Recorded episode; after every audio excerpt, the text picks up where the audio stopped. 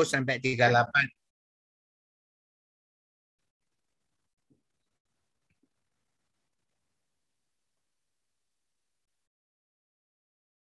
Jika kita sudah menemukannya, mari kita hormati pembacaan kebenaran firman Tuhan.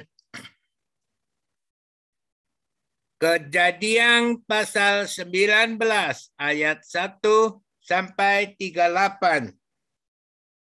Kedua malaikat itu tiba di Sodom pada waktu petang.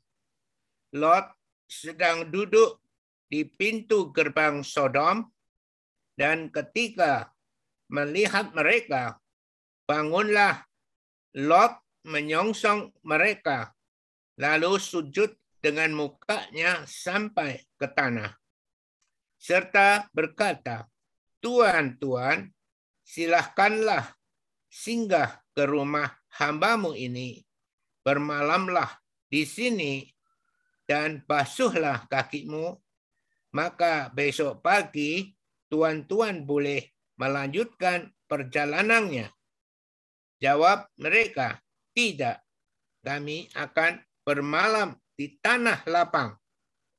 Tetapi karena Lot sangat mendesak mereka, singgahlah mereka dan masuk ke dalam rumah Lot. Kemudian ia menyediakan hidangan bagi mereka Lot membakar roti yang tidak beragi. Lalu mereka makan.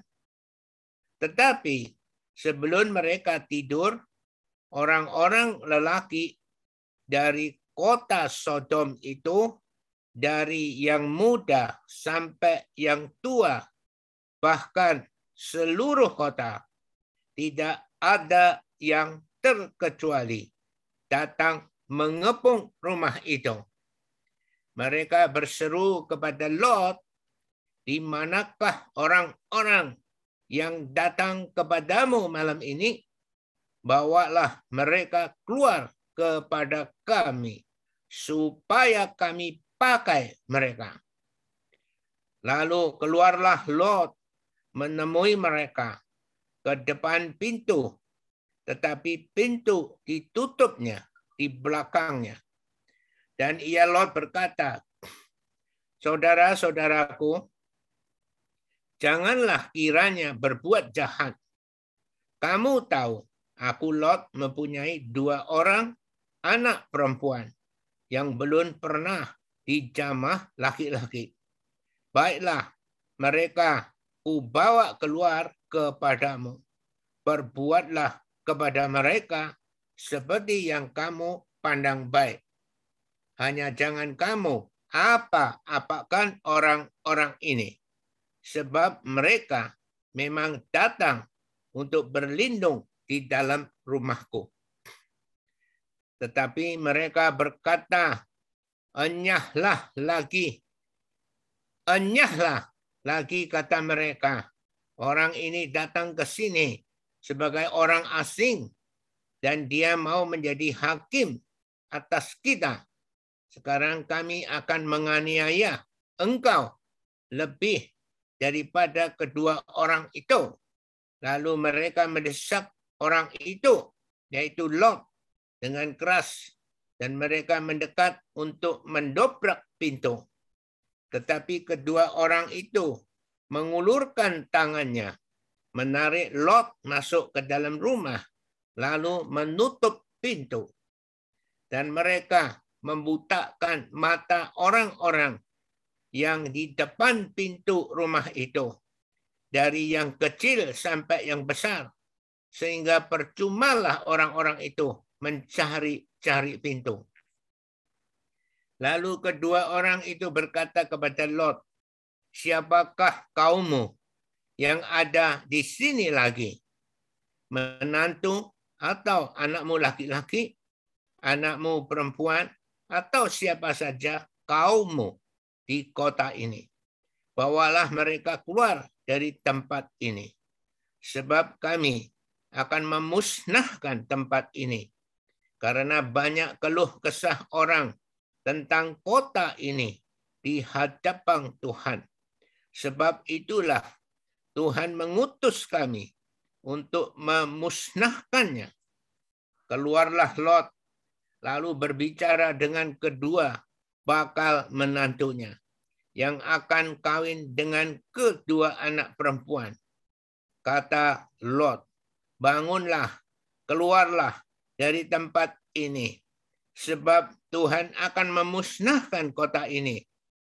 Tetapi Lot dipandang oleh kedua bakal menantunya itu sebagai orang yang berolok-olok saja.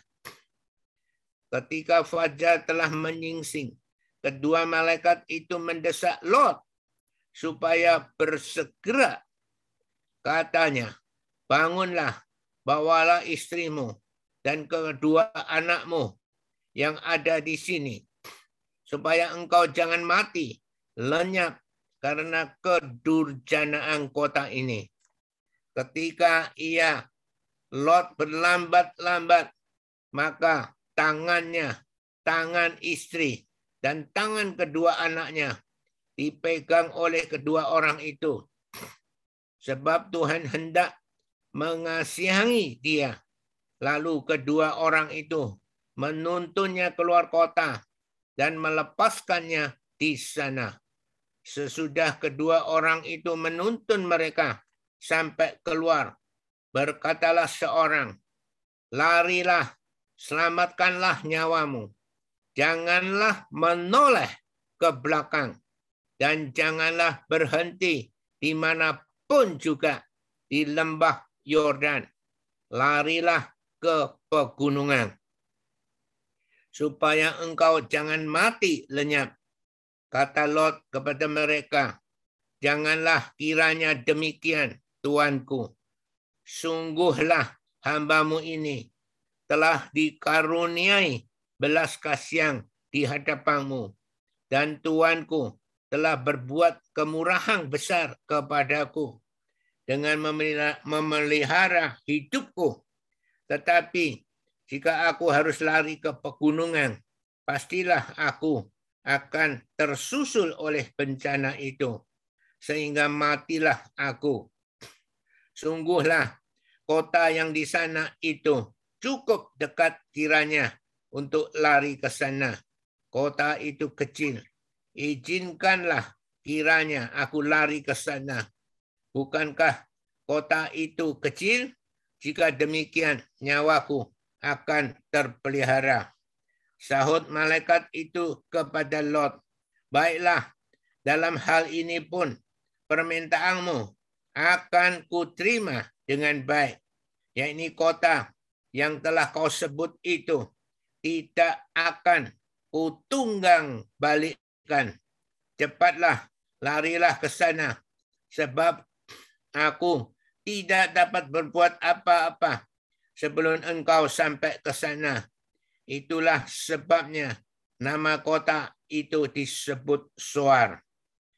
Matahari telah terbit menyinari bumi ketika Lot tiba di Soar. Kemudian Tuhan menurunkan hujan belerang dan api atas Sodom dan Gomora berasal dari Tuhan dari surga. Dan ditunggang balikkannya lah kota-kota itu dan lembah Yordan dan semua penduduk kota-kota serta tumbuh-tumbuhan di tanah. Tetapi istri Lot yang berjalan mengikutinya menoleh ke belakang lalu menjadi tiang garam. Ketika Abraham pagi-pagi pergi ke tempat ia berdiri di hadapan Tuhan itu dan memandang ke arah Sodom dan Gomora serta ke seluruh tanah lembah Yordan, maka dilihatnya lah asap dari bumi membumbung ke atas sebagai asap dari dapur peleburan. Demikianlah pada waktu Allah memusnahkan kota-kota di lembah Yordan dan menunggang balikkan kota-kota kediaman Lot. Maka Allah ingat kepada Abraham. Lalu dikeluarkan nyalah Lot dari tengah-tengah tempat yang ditunggang balikkan itu. Pergilah Lot dari Suar dan ia menetap bersama dengan kedua anak per, anaknya perempuan di pegunungan sebab ia tidak berani tinggal di Suar. Maka diamlah Lot dalam suatu gua berserta kedua anaknya. Kata kakaknya kepada adiknya, ayah kita telah tua dan tidak ada laki-laki di negeri ini yang dapat menghampiri kita seperti kebiasaan seluruh bumi. Marilah kita beri ayah kita minum anggur, lalu kita tidur dengan dia, supaya kita menyambung keturunan dari ayah kita. Pada malam itu, mereka memberi ayah mereka minum anggur, lalu masuklah yang lebih tua untuk tidur dengan ayahnya. Dan ayahnya itu tidak mengetahui ketika anaknya itu tidur dan ketika ia bangun. Keesokan harinya, berkatalah kakaknya kepada adiknya, Tadi malam aku telah tidur dengan ayah. Baiklah malam ini juga kita beri dia minum anggur. Masuklah engkau untuk tidur dengan dia supaya kita menyambung keturunan dari ayah kita. Demikianlah juga pada malam itu mereka memberi ayah mereka minum anggur. Lalu bangunlah yang lebih muda untuk tidur dengan ayahnya. Dan ayahnya itu tidak mengetahui ketika anaknya itu tidur dan ketika ia bangun. Lalu mengandunglah kedua anak Lot itu dari ayah mereka yang lebih tua melahirkan seorang anak laki-laki dan menamainya Muak. Dialah bapak orang Muak yang sekarang. Yang lebih muda pun melahirkan seorang anak laki-laki dan menamainya Ben Ami. Dialah bapak Bani Amon yang sekarang. Amin. Mari kita berdoa. Ya Tuhan Roh Kudus yang mulia yang sangat mengasihi kami. Kami sungguh bersyukur dan berterima kasih atas waktu dan kesempatan yang terus-menerus kau berikan kepada kami anak-anakmu. Ya Tuhan pada hari ini, limpahkan pewahyuan kepada anak-anakmu. Sehingga anak-anakmu benar-benar mengerti apa maksud dari perikop ini dan limpahkan hikmat kemampuan kepada anak-anakmu.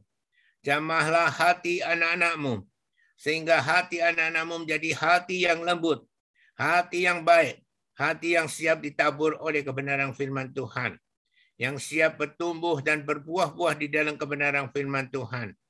Dan mampukan hambamu, kuatkan hambamu, terutama layakkan hambamu, layakkan hambamu ya Tuhan, untuk dapat menyampaikan kebenaran firman-Mu pada pagi hari ini dengan benar.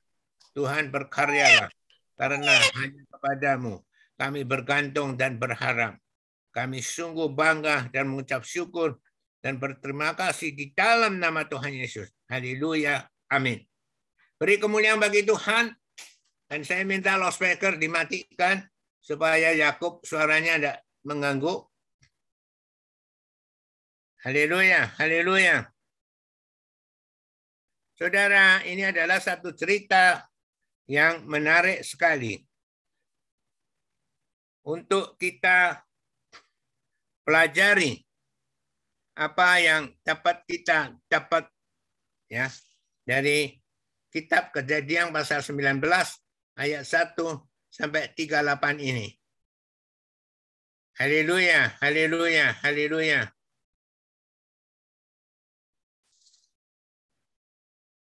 Saudara, ini adalah satu cerita ketika Tuhan menghancurkan Sodom dan Gomora, dua kota di lembah Yordan, termasuk lembah Yordan yang dulu sangat subur sekali.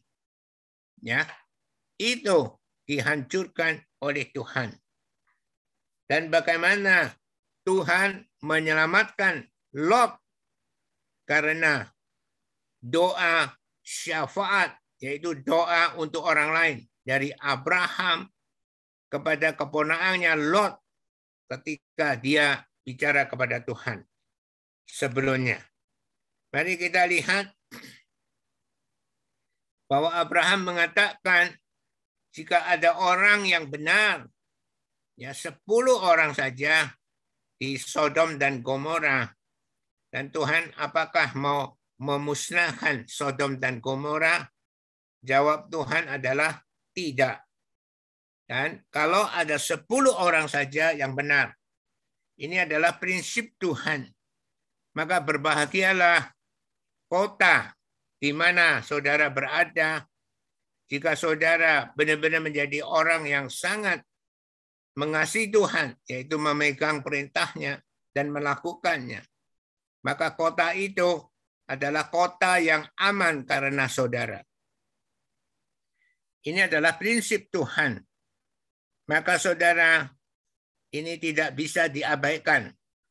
Saudara bisa rasakan jika satu kota ada kota, ada orang yang benar ya di hadapan Tuhan, maka kota itu akan diberkati oleh Tuhan. Maka saudara akan membawa berkat bagi di mana saudara berada. Kota-kota di mana saudara berada akan mendapat berkat jika saudara memegang perintah Tuhan dan melakukannya. Seperti janji Tuhan di Yohanes 14 ayat 21 mengatakan, Ya, barang siapa memegang perintahku dan melakukannya, dialah yang mengasihi aku. Barang siapa mengasihi aku, ia akan dikasihi oleh Bapakku. Dan aku pun akan mengasihi dia dan akan menyatakan diriku kepadanya. Saudara, mari kita lihat di dalam ayat 1 sampai ayat 3 kita melihat kembali apakah Lot benar dia adalah termasuk orang yang benar di hadapan Tuhan. Mari kita lihat Kejadian pasal 19 ayat 1 sampai 3. Kedua malaikat itu tiba di Sodom pada waktu petang. Yang datang menemui Abraham adalah tiga orang. Adakah amin? Saudara sudah melihat atau sudah mendengar khotbah sebelumnya. Ada tiga orang menemui Abraham. Tetapi yang dua orang pergi ke Sodom dan Gomora. Tetapi satu orang yaitu ya Tuhan.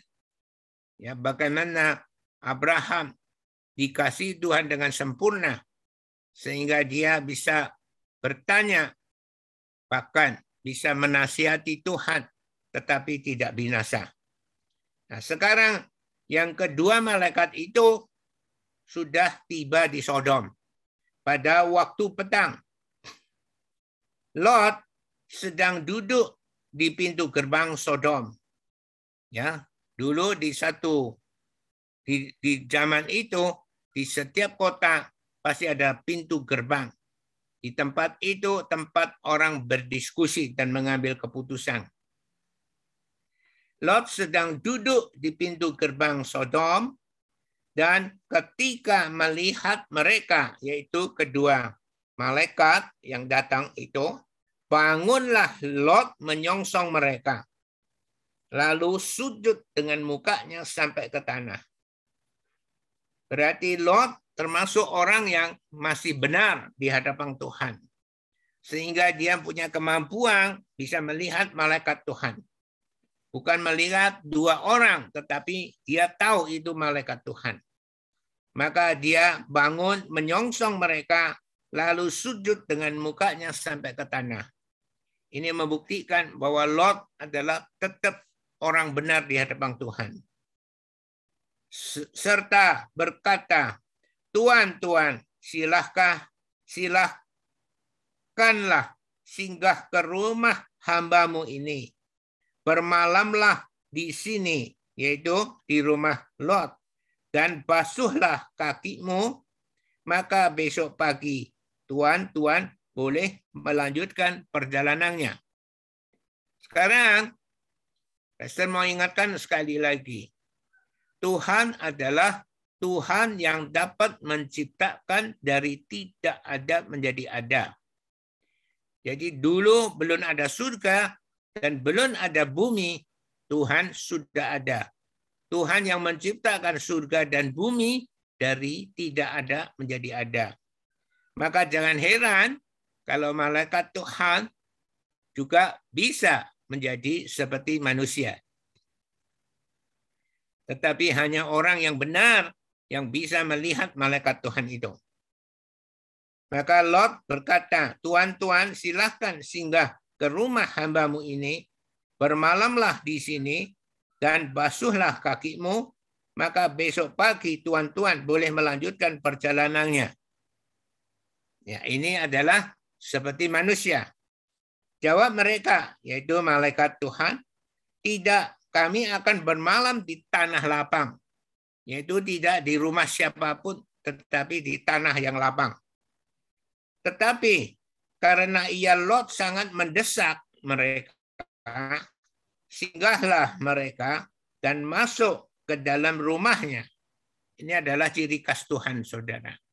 Jika saudara sungguh-sungguh mengasihi Tuhan, dan mendesak Tuhan, terus berdoa kepada Tuhan, Tuhan pasti datang. Ya, ini adalah prinsip. Ya, karena ia Lot sangat mendesak mereka, singgahlah mereka yaitu malaikat Tuhan dan masuk ke dalam rumah Lot. Kemudian ia Lot menyediakan hidangan bagi mereka. Ya, ia Lot membakar roti yang tidak beragi lalu mereka makan. Berarti Lot tetap mengerti satu kebenaran. Yang membakar roti yang tidak beragi. Ini adalah eh, membuktikan bahwa Lot adalah orang benar.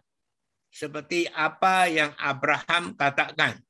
Apa yang Abraham katakan, yaitu di dalam kejadian pasal 18, yaitu sebelum pasal 19 ini, kita lihat di dalam kejadian pasal 18 ayat 22 sampai 33 bagaimana waktu itu Abraham minta kepada Tuhan jika di Sodom dan Gomora paling sedikit ada 10 orang yang benar.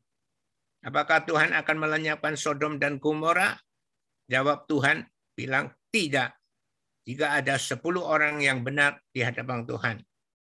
Mari kita lihat Kejadian pasal 18 ayat 22 sampai 33. Maka jika saudara mendengarkan khotbah ya dan saudara minggu kemarin tidak mendengarkan dan sekarang mendengarkan, saudara akan menjadi bingung. Tetapi jika saudara dengan kontinu yaitu terus-menerus ya dengan tekun mendengarkan khotbah setiap minggu, maka saudara akan mengerti betapa pentingnya ya khotbah seri itu. Mari kita lihat kejadian pasal 18 ayat 22 sampai 33. Sampai 23 ya sampai 33. Mari kita lihat apa kata Abraham. Lalu berpalinglah orang orang itu dari situ dan berjalan ke Sodom. Tetapi Abraham masih tetap berdiri di hadapan Tuhan. Abraham datang mendekat dan berkata, Apakah engkau, Tuhan, akan melenyapkan orang benar bersama-sama dengan orang fasik? Jadi apakah engkau, Tuhan, akan melenyapkan orang benar bersama-sama dengan orang fasik? Maka saudara harus mengerti bahwa Lot itu masih dianggap orang benar di hadapan Tuhan. Tetapi orang benar yang suka ya dekat dengan orang yang becat yaitu Sodom dan Gomora.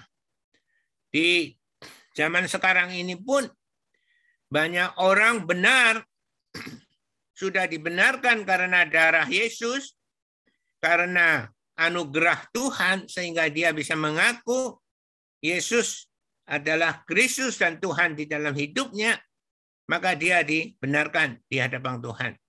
Tetapi dia masih suka kepada dunia yang bejat.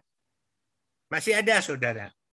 Ya, banyak orang yang sudah percaya masih masuk ke dalam dikostik, ya, masih ke tempat-tempat yang bejat-bejat itu.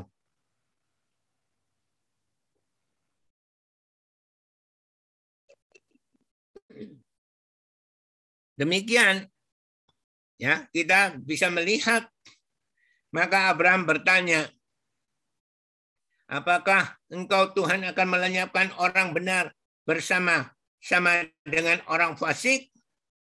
Bagaimana sekiranya ada 50 orang benar dalam kota itu? Apakah engkau Tuhan akan melenyapkan tempat itu? Dan tidakkah engkau Tuhan ngampuninya karena ke-50 orang benar yang ada di dalamnya. Dan, dan, dan, dan akhirnya tinggal 10 orang yang benar. Jadi kejadian 18 ayat 22 sampai 33. Ini yang disebut oleh Abraham orang benar itu adalah keponaannya, Lot. Tadi kita sudah melihat di kejadian 19 ayat 1 sampai 3, Lot masih rohani dia masih bisa melihat malaikat Tuhan. Tetapi orang-orang yang ada di Sodom Gomora, dia tidak bisa melihat malaikat Tuhan.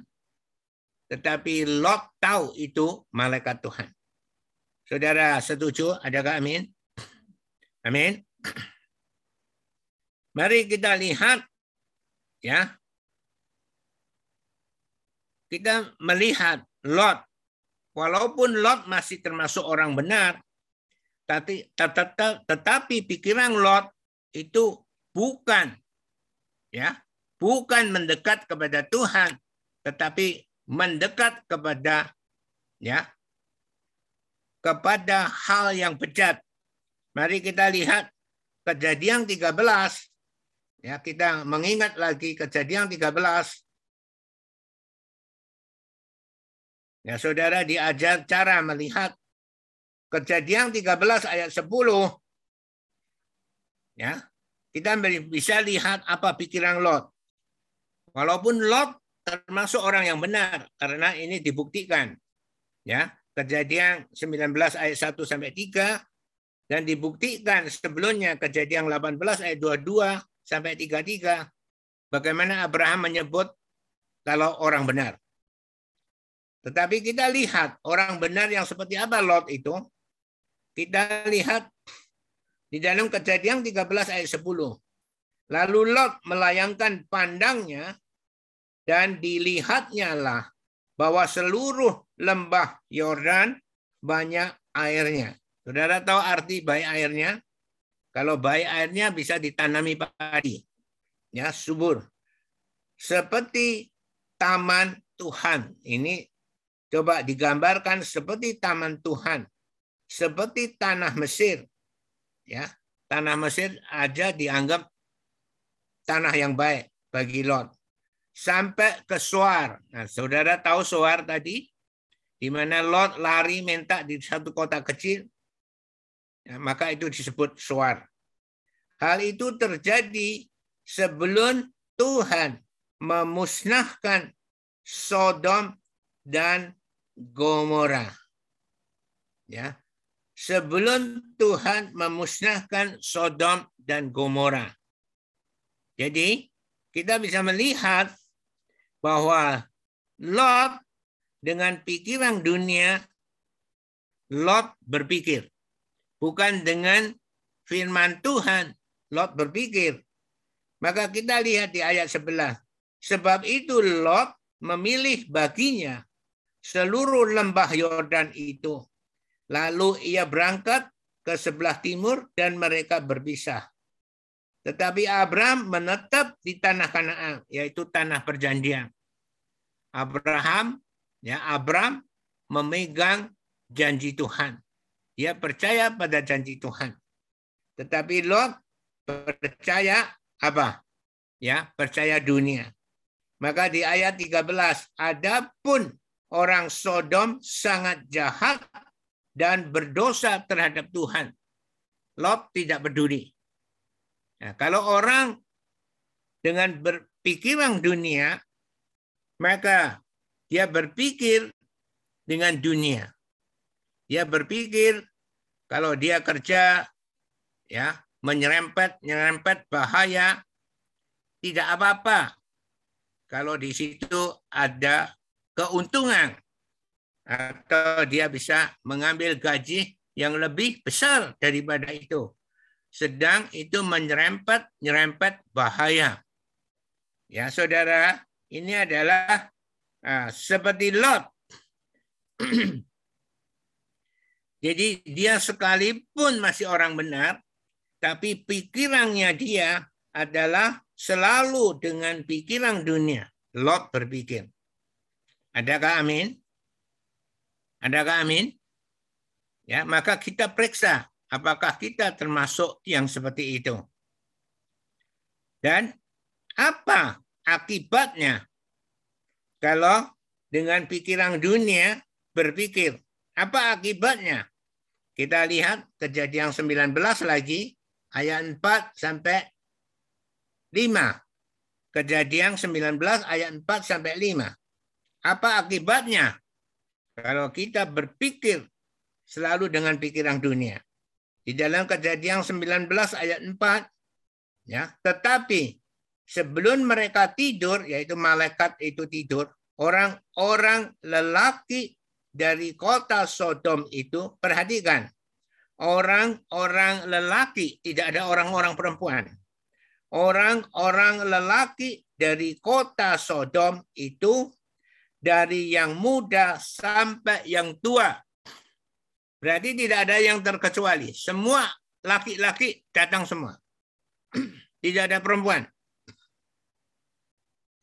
Bahkan seluruh kota, ini ditegaskan lagi, seluruh kota Sodom ya itu datang dan Sod datang yang laki-laki tidak ada yang terkecuali. Ini ditegaskan lagi.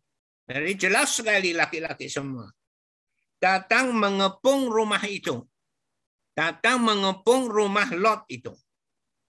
Mereka berseru, perhatikan. Mereka berseru kepada Lot.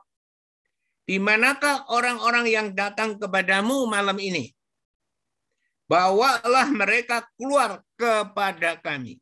Perhatikan, bawalah mereka keluar kepada kami supaya kami pakai mereka. Saudara, ini yang dinamakan homoseks, saudara. Ya, laki-laki dengan laki-laki.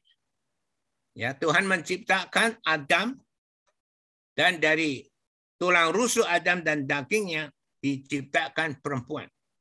Tuhan tidak pakai laki-laki dengan laki-laki tetapi laki dengan perempuan. Tetapi kita bisa melihat bawalah mereka keluar kepada kami supaya kami pakai mereka. Ya dianggap seperti suami istri, tetapi laki dengan laki. Ini bejatnya Sodom. Ya, bukankah di Amerika sudah disahkan bahwa undang-undang bahwa laki dengan laki itu boleh menikah. Itu satu hal secara hukum dibenarkan. Bejatnya seperti apa coba? Ini Sodom juga seperti ini. Jadi saudara mengerti? Amin. Lalu keluarlah Lot ya menemui mereka ke depan pintu tetapi pintu ditutupnya di belakangnya. Jadi Lot tetap melindungi orang yang di dalam rumah itu. Dan iya, Lot berkata, saudara-saudaraku, jadi selama ini Lot hidup bersama dengan orang-orang bejat. Dia memanggil mereka, saudara-saudaraku, janganlah kiranya berbuat jahat.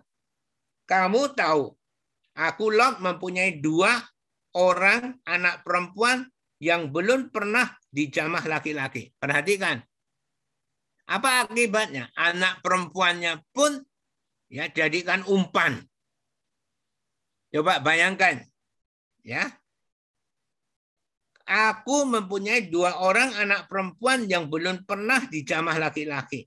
Baiklah mereka, yaitu anak perempuannya, kubawa keluar kepadamu, perbuatlah kepada mereka, yaitu kedua anak perempuan, seperti yang kamu pandang baik.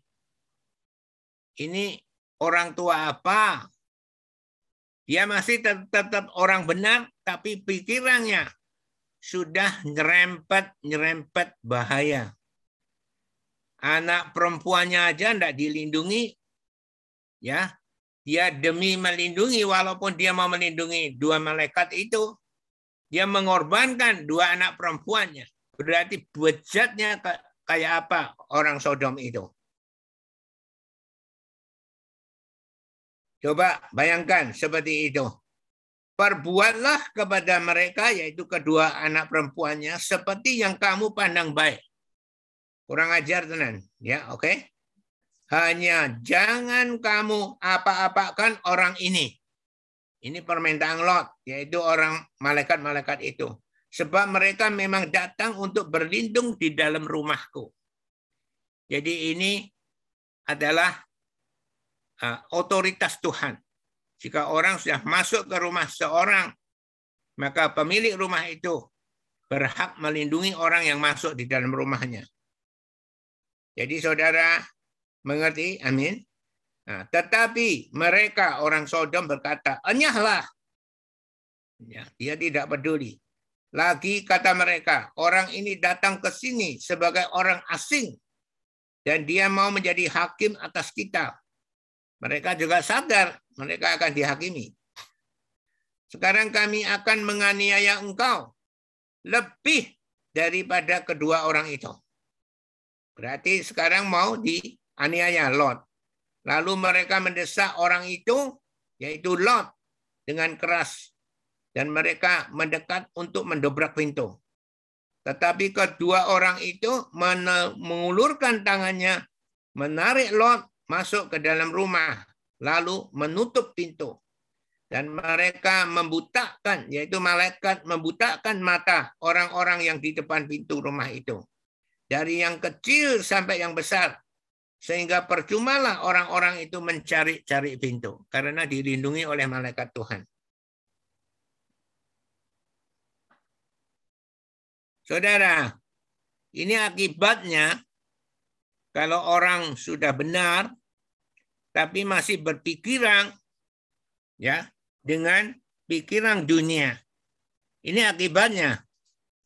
Jadi saudara, saudara sekarang sudah mengerti, amin. Akibatnya bahkan anak perempuannya ini normal enggak saudara kalau saudara adalah seorang ayah anak perempuannya yang belum dijamah oleh laki-laki itu diserahkan kepada orang jahat. Jadi biarkan orang jahat ya menggunakan kedua anak perempuannya. Apakah ada orang tua yang seperti itu? Ini akibatnya, saudara. Jadi dulu pakai pikiran dunia bahwa di lembah Yordan banyak airnya, maka di situ untuk ternak bau, untuk ternak baik, untuk pertanian baik. Ya, sekalipun orang Sodom itu sangat jahat, waktu itu Lot tidak peduli. Akhirnya akibatnya dua anak perempuan yang belum dijamah orang pun ya tidak bisa dilindungi, bahkan dijadikan umpan. Nah, ini akibatnya. Apakah saudara mau seperti itu? terserah saudara. Ya. Saudara, ini adalah penting sekali. Saudara, sekarang kita lihat di dalam kejadian 19 ayat 16 sampai 17 ya sudah bejat seperti itu pun Lot masih berlambat-lambat meninggalkan Sodom dan Gomora. Coba bayangkan. Ini Lot termasuk orang benar loh saudara. Tapi orang benar yang tidak mau hidup Ya, sesuai firman Tuhan. Tetapi selalu dengan pikiran dunia. Kita lihat ya. Pasal 19 ayat 16 sampai 17. Ketika ia Lot berlambat-lambat maka tangannya, tangan istri dan tangan kedua anaknya dipegang oleh kedua orang itu, yaitu malaikat Tuhan. Sebab Tuhan hendak mengasihangi dia, mengasihangi Lot, lalu kedua orang itu menuntunnya keluar kota dan melepaskannya di sana. Jadi ini ayat 16. Jadi Lot masih berlambat-lambat. Eman-eman meninggalkan Sodom dan Gomora. Sekalipun sudah sangat bejat seperti itu pun. Bahkan anak perempuannya yang belum dijamah laki-laki pun diserahkan kepada mereka untuk dipakai sesuka mereka. Coba pikiran Lot seperti apa? Seperti itu pun masih berlambat-lambat. Saudara mengerti? Amin maka ada orang yang tidak bisa meninggalkan dunia ini. Sekalipun dunia ini sudah becak sekali. Tetapi masih dikasih. Masih mau hidup di dunia ini. Daripada di surga yang baru, bumi yang baru, kota Yerusalem yang baru. Masih mencintai dunia ini. Ya. Saudara mengerti? Amin. Amin. Coba dunia ini cukup bejat enggak? Orang-orang yang belum percaya Tuhan, oke, okay, mereka tidak tahu firman Tuhan. Maka mereka menghadapi virus corona, akhirnya mereka dengan pikiran dunia, bukan pikiran Tuhan. Pikiran Tuhan adalah kalau orang bijak melihat malapetaka, bersembunyilah ini. Itu kalau orang bijak. Itu Tuhan. Tetapi orang tak berpengalaman berjalan terus lalu kena celaka. Pastor pulang ke Indonesia. Yang pastor amati adalah orang-orang yang pakai masker. Ternyata mau masuk mall baik di Jakarta maupun di Jogja itu ketat. Semua pakai masker. Ya, dan apa yang terjadi? Di Indonesia hanya 230, 250, 300-an setiap harinya. Yang Singapura yang sangat terkenal kedokterannya sangat luar biasa. Ketika kemarin dibuka, orang Indonesia semua pergi ke Singapura untuk periksa, check up dokter di sana. Setiap hari Tadi Pastor lihat hari kemarin masih 2.800 orang. Sedang di Indonesia cuma 300 orang. Lebih aman Indonesia. Tapi Singapura karena kota pariwisata, kalau ditutup, maka tidak ada penghasilan. Dokter-dokter tidak ada orang yang periksa. Maka akhirnya dibuka. Tapi resikonya adalah itu orang dunia, tidak masalah. Karena mereka berpikir dengan pikiran dunia.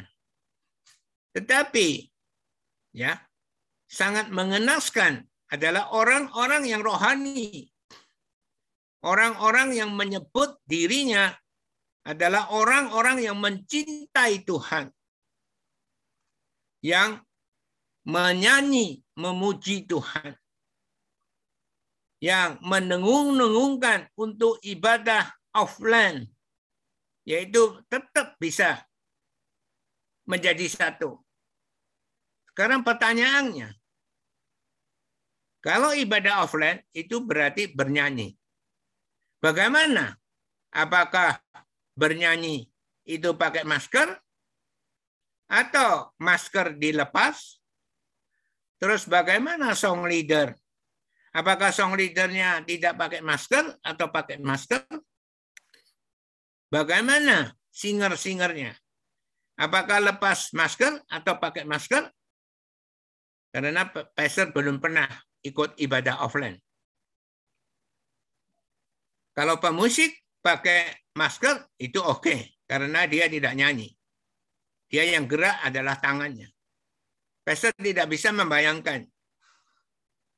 Sedang dulu Singapura mau mengatasi virus corona, makan saja dibatasi.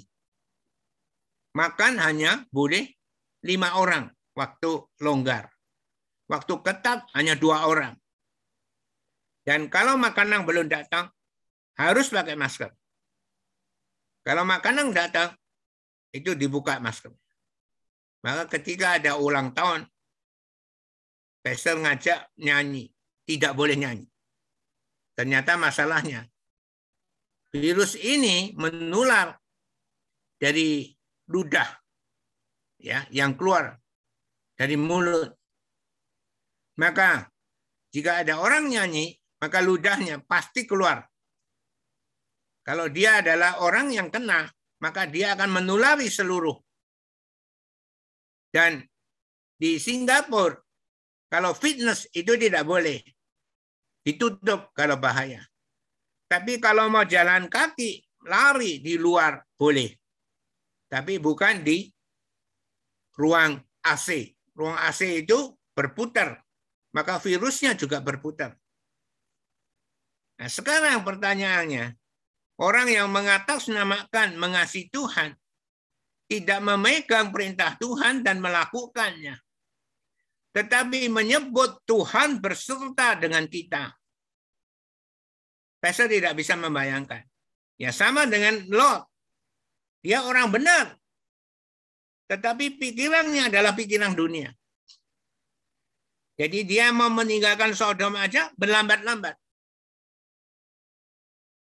Saudara, sekarang virus corona ini di Eropa, di mana-mana terjadi ada penularan yang lain. Jadi saudara, virus corona itu menghancurkan tubuh, daya tahan tubuh. Karena virus corona itu adalah virus SARS yang menghancurkan paru-paru dengan virus AIDS digabung menjadi virus corona, saudara. Perhatikan, virus AIDS itu orang yang kena AIDS itu tidak punya antibodi, saudara. Jadi setelah dihancurkan dengan virus corona antibodi orang, apa yang terjadi?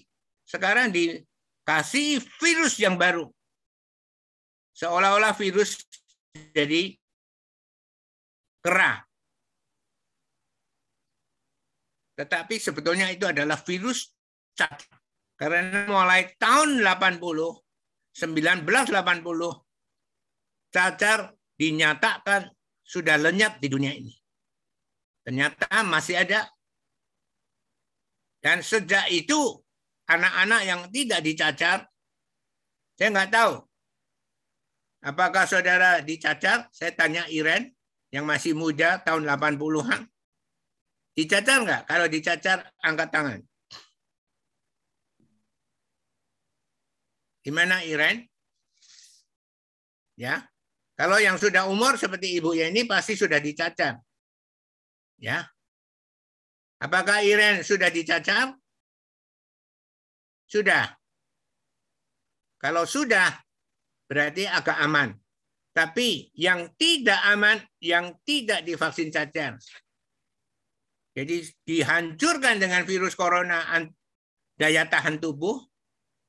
Setelah itu dihancurkan dengan virus cacar. Bagi yang sudah dicacar, dia aman. Tapi bagi anak-anak, maka ini nyerang anak-anak.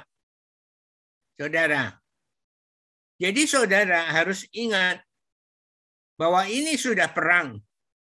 Tapi bukan pakai senjata, pakai virus. Jadi saudara, kalau kita masih dengan pikiran dunia, kita masih merindukan ibadah offline. Seperti Lot. Sudah tahu Sodom dan Gomora sangat bejat sekali. Bahkan dia menyatakan kedua anak perempuan yang belum dijamah laki-laki itu boleh dipakai oleh mereka sesuka mereka. Apa ada pikiran yang seperti itu? Apakah dia orang benar? Masih orang benar. Malaikat Tuhan masih lindungi dia. Tapi apa pikirannya dia adalah pikiran firman Tuhan? Tidak. Pikiran dunia. Dia masih lambat-lambat. Ya saudara, saudara jangan harap bahwa saudara adakan ibadah offline di Jogja. Pastor tidak bisa membayangkan bagaimana cara ibadahnya. Dan apa yang saudara dapat. Apa nyanyi, dibuka maskernya, atau pakai masker saudara nyanyi bersama. Kalau masker yang baik, oke. Okay. Masker yang tidak baik, begitu kita nyanyi, itu hawa udara dari mulut kita. Itu tidak enak kalau maskernya tidak baik. Dan pastor tidak bisa membayangkan kenapa saudara sangat rindu dengan ibadah offline. Karena sesuai dengan firman Tuhan, 1 Korintus 15 ayat 33, saudara catat. 1 Korintus 15 ayat 33. Janganlah kamu sesat. Pergaulan yang buruk merusak kebiasaan yang baik. Zoom ini adalah kebiasaan yang baik untuk mengatasi virus corona. Jangan sesat pergaulan yang buruk merusak kebiasaan yang baik. Apa pergaulan yang buruk? Ya ini. Semua ibadah orang-orang percaya pada Tuhan, semua ibadah offline. Kecuali Jogja. Saudara, bukan karena Jogja. Barang siapa memegang perintahku dan melakukan, dialah yang mengasihi aku. Ya ini hanya sebagai perbandingan. Ya, sudah bejat seperti itu pun Lot masih berlambat-lambat meninggalkan Sodom dan Gomora. Tadi buktinya di Kejadian 19 ayat 16 sampai 17. Dan apa yang terjadi setelah Lot dibawa keluar dari Sodom, dan Gomora. Apa yang dilakukan Lot? Yang dilakukan Lot masih tawar menawar dengan utusan Tuhan. Apakah benar? Kejadian 19 ayat 18 sampai 22. Lot masih tawar menawar. Ya. Di dalam ayat 18, Kejadian 19 ayat 18. Kata Lot kepada mereka, yaitu malaikat Tuhan. Janganlah kiranya demikian Tuanku. Sungguhlah hambamu ini telah dikaruniai belas kasihan di hadapanmu. Dia sadar, dia dikasihangi, dikaruniai belas kasihan, ya. Dan Tuanku telah berbuat kemurahan besar kepada Lot dengan memelihara hidupku. Tetapi nih mulai pakai tetapi ya, menawar. Tetapi jika aku Lot harus lari ke pegunungan karena malaikat Tuhan minta mereka lari ke pegunungan. Pastilah aku Lot akan tersusul oleh bencana itu sehingga matilah aku. Berarti dia sudah mempunyai pikiran yang melebihi malaikat Tuhan. Sedang malaikat Tuhan tidak seperti itu. Dia nunggu Lot sampai pegunungan, baru Sodom dan Gomorrah dilenyapkan. Tetapi Lot masih tawar menawar dengan Tuhan. Dan dia mengatakan, sungguhlah kota yang di sana itu cukup dekat kiranya untuk lari ke sana kota itu kecil. Izinkanlah kiranya aku Lot lari ke sana. Bukankah kota itu kecil? Jika demikian nyawaku akan terpelihara. Banyak orang percaya suka ya berdebat dengan Tuhan. Suka mencari alasan pada Tuhan. Tuhan sudah mengatakan, ya, orang bijak, orangku yang bijak melihat malapetaka bersembunyi lain. Tetapi dia bilang, bersama dengan Tuhan, aku akan dilindungi Tuhan. Tuhan melindungi dengan firman Tuhan, saudara. Dengan Amsal 22 ayat 3. Siapa yang melanggar tidak akan dilindungi. Tapi kita sepertinya lebih daripada Tuhan. Seperti Lot, suruh ke lari ke pegunungan, dia bilang minta di kota Suar. Ya, ngasih alasan. Apa yang yang dijawab oleh malaikat sahut malaikat itu kepada Lot, baiklah dalam hal ini pun coba bayangkan permintaanmu akan kuterima dengan baik. Ya ini kota yang telah kau sebut itu tidak akan kutunggang balikkan. Tuhan sangat baik sekali sama Lot. Tuhan bilang, cepatlah, larilah ke sana. Sebab aku, ya malaikat Tuhan tidak dapat berbuat, apa-apa sebelum engkau sampai ke sana. Itulah sebabnya nama kota itu disebut Soar. Tuhan tidak bisa berbuat apa-apa. Kalau Lot belum sampai kota itu. Maka kota itu dinamakan Soar. Jadi, saudara, mengerti? Setelah Lot dibawa keluar dari Sodom dan Gomora masih tawar menawar dengan utusan Tuhan. Dan apa akibat lambat-lambat meninggalkan Sodom dan Gomora? Dan masih tawar menawar dengan utusan Tuhan. Kejadian 19 ayat 23 sampai 38. Matahari telah terbit menyinari bumi ketika Lot tiba di Soar. Kemudian Tuhan menurunkan hujan belerang dan api atas Sodom dan Gomora berasal dari Tuhan dari surga. Ini bukan langit, dari surga. Dan ditunggang balikkannya lah kota-kota itu dan lembah Yordan. Termasuk lembah Yordan dan semua penduduk kota-kota serta tumbuh-tumbuhan di tanah. Tetapi istri Lot ya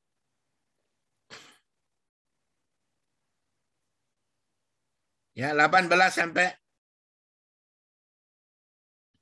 Apa akibatnya? Yaitu 23 sampai 38. Ya. Ketika Abraham tetapi istri Lot yang berjalan mengikutinya menoleh ke belakang lalu menjadi tiang garam. Sudah dikasih tahu bahwa jangan menoleh, tapi istri Lot masih mengasihi Sodom dan Gomora. Sudah bejat seperti itu pun eman-eman. Sayang maka terakhir aku tak lihat Sodom yang bejat itu masih sayang sama sama Sodom yang bejat ini. Menoleh menjadi tiang garam. Dan apa yang terjadi?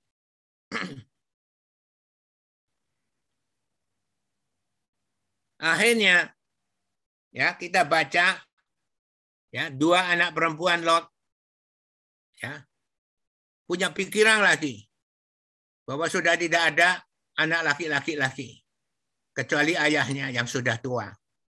Maka ayahnya dikasih anggur biar mabuk. Maka dua anak perempuannya bergantian bersetubuh dengan ayahnya untuk membangun keturunannya. Akhirnya apa yang terjadi? Lot mempunyai keturunan yang aneh. Yang bejat yaitu bangsa Muak dan Anom. Adakah amin? Saudara bisa melihat kejadian 19 ayat 23 sampai 38. Maka pada hari ini dari Pirikop kejadian 19 ayat 1 sampai 38 ini Tuhan mau mengingatkan kita dengan serius. Apa itu? Yaitu tiga akibat fatal karena mencintai dunia dan enggan meninggalkan dunia yang sekalipun sudah bejat itu. Inilah judul khotbah hari ini. Ya, Tuhan akan mengingatkan kita pada hari ini dari kejadian 19 ayat 1 sampai 38 ini Tuhan mau mengingatkan kita dengan serius yaitu tiga akibat fatal karena mencintai dunia dan enggan. Saudara tahu enggan? Ya, enggan itu malas. Enggan meninggalkan dunia yang sekalipun sudah bejat itu. Adakah amin? Inilah judul khotbah hari ini. Tuhan memberi pewahyuan kepada kita tiga akibat fatal karena mencintai dunia dan enggan meninggalkan dunia yang sekalipun sudah bejat itu. Apa tiga akibat fatal itu? Yang pertama, yaitu yang pertama, impian, harapan mula-mula terhadap dunia sekalipun sudah bejat menjadi hancur sirna tak berbekas yaitu di dalam kejadian 19 ayat 1 sampai 29. Impian harapan mula-mula ini adalah Lot ketika disuruh milih. Kau ke kanan, aku ke kiri. Kau ke kiri, aku ke kanan. Dan Lot memandang lembah sungai Yordan. Uh, banyak air. Dan dia sudah tahu sekalipun orang Sodom jahat. Maka ini yang pertama akibatnya adalah impian. Dia punya impian. Di sungai Yordan dia akan lebih makmur daripada Abraham. Impian harapan mula-mula terhadap dunia sekalipun sudah bejat, dia tahu orang Sodom jahat. Menjadi hancur, sirna, tak berbekas. Saudara setuju? Amin. Ini akibat yang pertama. Ini saudara catat impian, harapan mula-mula terhadap dunia sekalipun sudah bejat menjadi hancur, sirna, tak berbekas. Kejadian 19 ayat 1 sampai 29. Kedua, istri Lot menjadi tiang garam bukan manusia lagi. Jadi di dalam kejadian 19 ayat 26. Ya, karena istri tetapi istri Lot yang berjalan mengikuti Lot menoleh ke belakang. Lalu menjadi tiang garam. Dia masih sayang. Sekalipun Sodom dan Gomorrah itu bejat, tapi dia sayang man. Saudara, saudara mengerti amin? istri Lot menjadi tiang garam bukan manusia lagi. Saudara bayangkan kalau istri Lot tidak jadi tiang garam, jadi Lot bersetubuh dengan siapa? Dengan istrinya, tidak dengan anak perempuannya. Adakah amin? Amin. Sehingga dihindari keturunan bejat. Tetapi ini istri Lot menjadi tiang garam bukan manusia lagi. Yang ketiga akibat Ya, akibat fatal yang ketiga yaitu menurunkan keturunan yang bejat pula. Menurunkan keturunan yang bejat pula. Ayat 30 sampai 38. Apakah ada seorang ayah mau menghamili anak perempuannya Tetapi ini terjadi. Menurunkan keturunan yang bejat pula. Ini adalah tiga akibat fatal. Impian harapan mula-mula terhadap dunia sekalipun dunia sekalipun sudah bejat menjadi hancur sirna tak berbekas. Nah, sekarang pertanyaannya, bagaimana dengan kita-kita ini? Kalau kita sudah tahu tiga akibat fatal itu, bagaimana dengan kita-kita ini? Apakah kita masih mempunyai impian? Apakah kita juga mempunyai impian harapan mula-mula terhadap dunia ini? Maka saudara berpikir, apa yang saudara harapkan bagi dunia ini? Dunia ini sudah bejat, saudara. Ini virus tadi dihancurkan dengan virus corona yaitu gabungan virus SARS yang menghancurkan paru-paru dan virus AIDS yang tidak punya daya tahan tubuh. Setelah itu sudah hancur lebur, dihancurkan lagi dengan virus yang dinamakan virus keras. Sebetulnya itu adalah virus ya mematikan lagi virus cacar. Sejak tahun 80 nggak tahu masih ada yang dicacar atau tidak. Kalau tidak, lebih baik sekarang vaksin cacar. sudah seperti itu, ya laki-laki disetujui dengan laki-laki, perempuan dengan perempuan. Ya, harusnya pakai masker sekarang disetujui. Kemarin pastor lihat makan di restoran, restoran itu di hotel. Hotelnya itu orang yang penghuni hotel itu ada puluhan, mungkin yang lebih. Tidak pakai masker. Coba bayangkan, Apakah saudara masih mempunyai impian, harapan mula-mula terhadap dunia ini? Apa yang saudara harapkan? Apakah dunia ini akan lebih baik?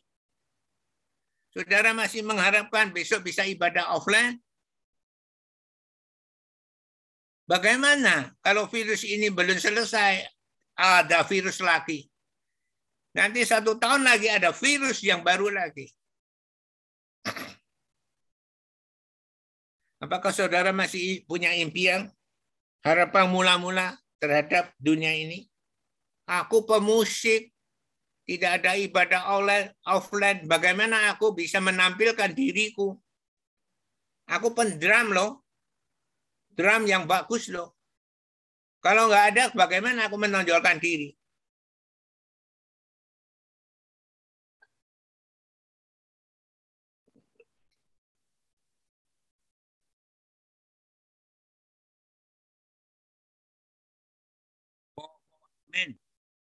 Aku tidak percaya pada Pastor Aquila.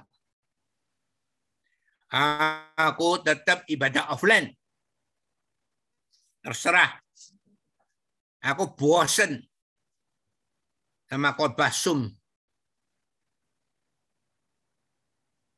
Sekarang pertanyaannya, apakah kita juga mempunyai impian harapan mula-mula terhadap dunia ini? Sekarang saudara, Metrai ketiga itu hampir dibuka.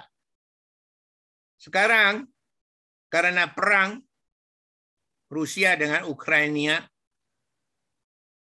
sekarang dunia ini kekurang pangan, kurang makan. Maka semua yang biasa ekspor, ya, ekspor itu adalah mengeluarkan, ngirim barang keluar itu ekspor. Yang ekspor bahan makanan sekarang masing-masing mulai.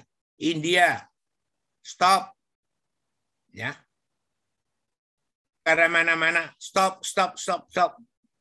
Maka harga makanan naik tinggi. Itu materai ketiga nanti. Satu secupak gandum, satu dinar.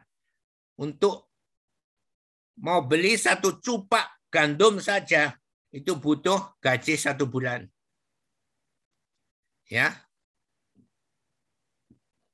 Coba, itu materai ketiga. Materai keempat adalah 25 persen manusia dunia akan lenyap. Dengan pedang, dengan wabah. Ya ini termasuk virus ini.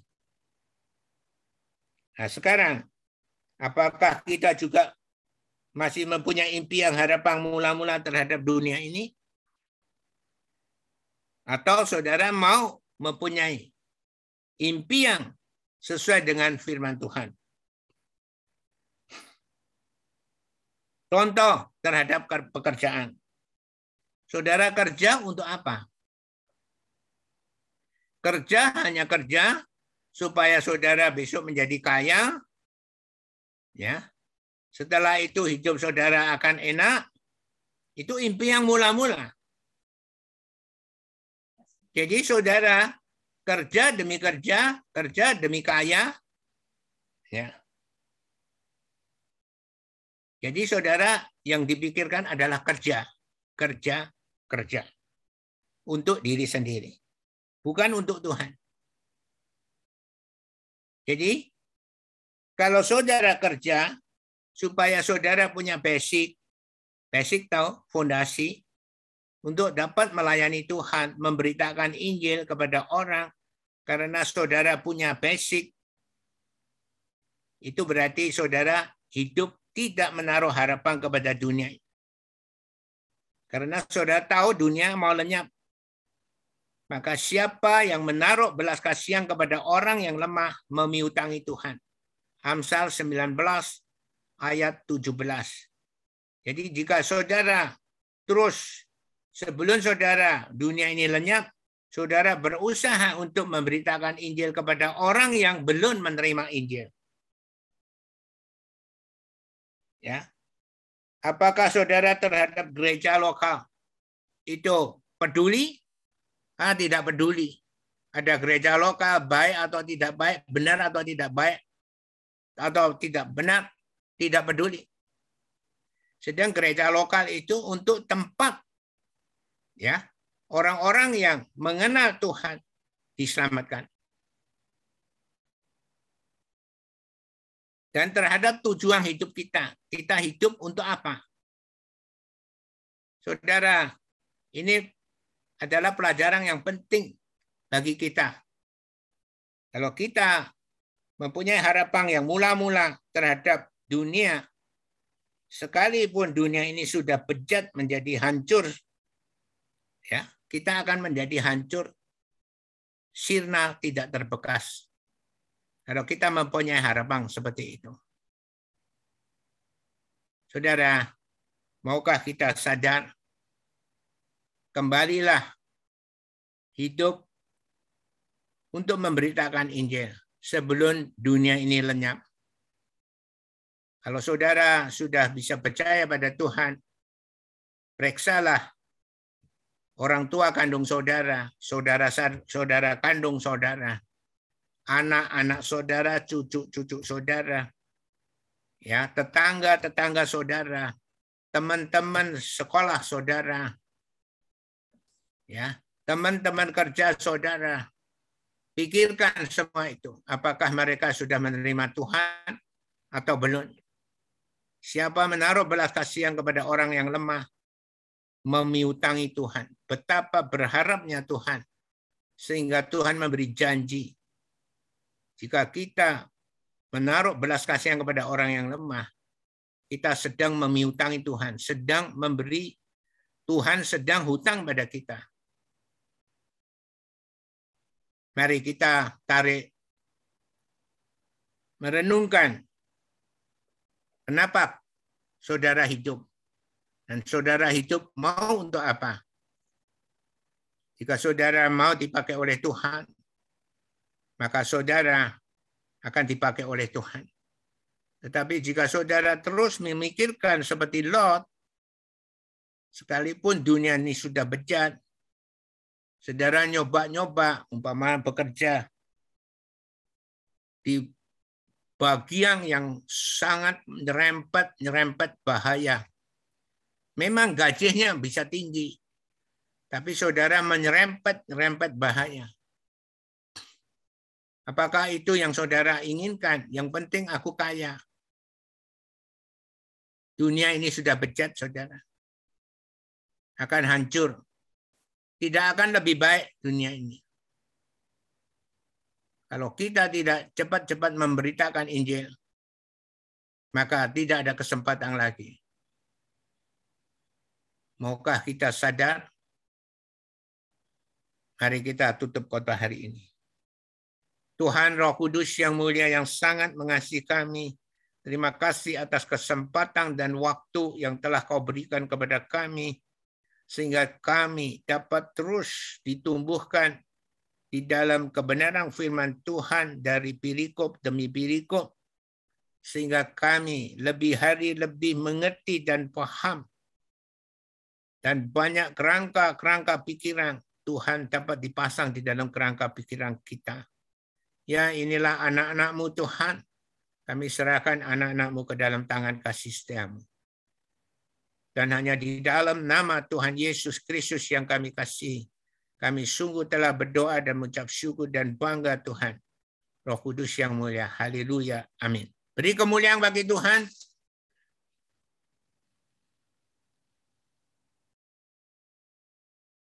Ya, apa yang didapat Marni?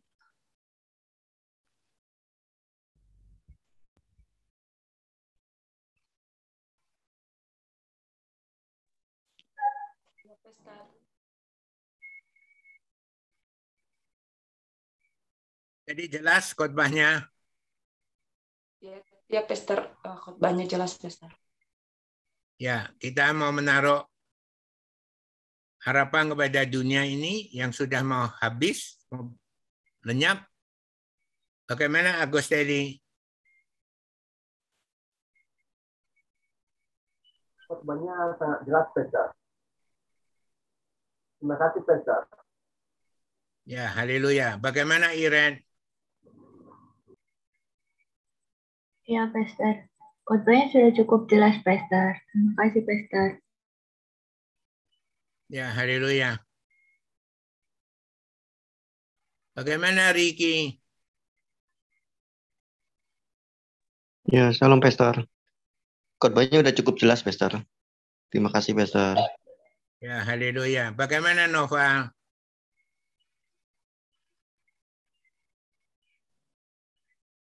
Khotbahnya cukup jelas, Pastor. Terima kasih, Pastor. Bagaimana Ibu Anda?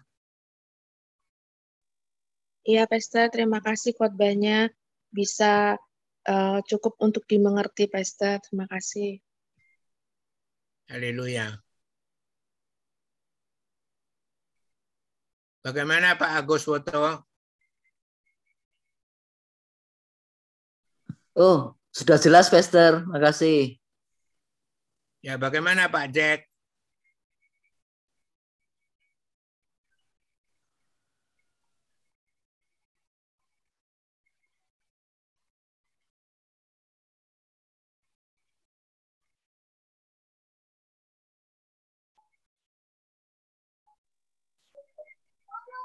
Semuanya sudah jelas. Makasih, Pastor. Haleluya. Ya, ini pelajaran yang baik bagi kita semua. Percaya, Pastor hidup ini bukan untuk mau menjadi kaya atau apa, bukan. Tapi bagaimana secepatnya yang memberitakan Injil. Dan bagaimana mendorong saudara punya beban ya untuk memberitakan. Dan saudara harus percaya tidak ada seorang pun yang percaya pada Tuhan langsung tahu. Dia harus dimuridkan. Maka pastor sekarang masih pegang satu gereja lokal di Singapura. Sekalipun jemaatnya tinggal hanya satu. Tapi karena dia tetap bersemangat, maka pastor sama dengan khotbah dengan satu orang, khotbah dengan seratus orang, seribu orang sama. Mari kita jangan niru Lot. Percaya, Amsal 19 ayat 17. Waktunya sudah tidak banyak. Ya, hilangi kedagingan-kedagingan kita. Siapa pun suka offline. Bisa ketemu bersama-sama. Siapa pun suka.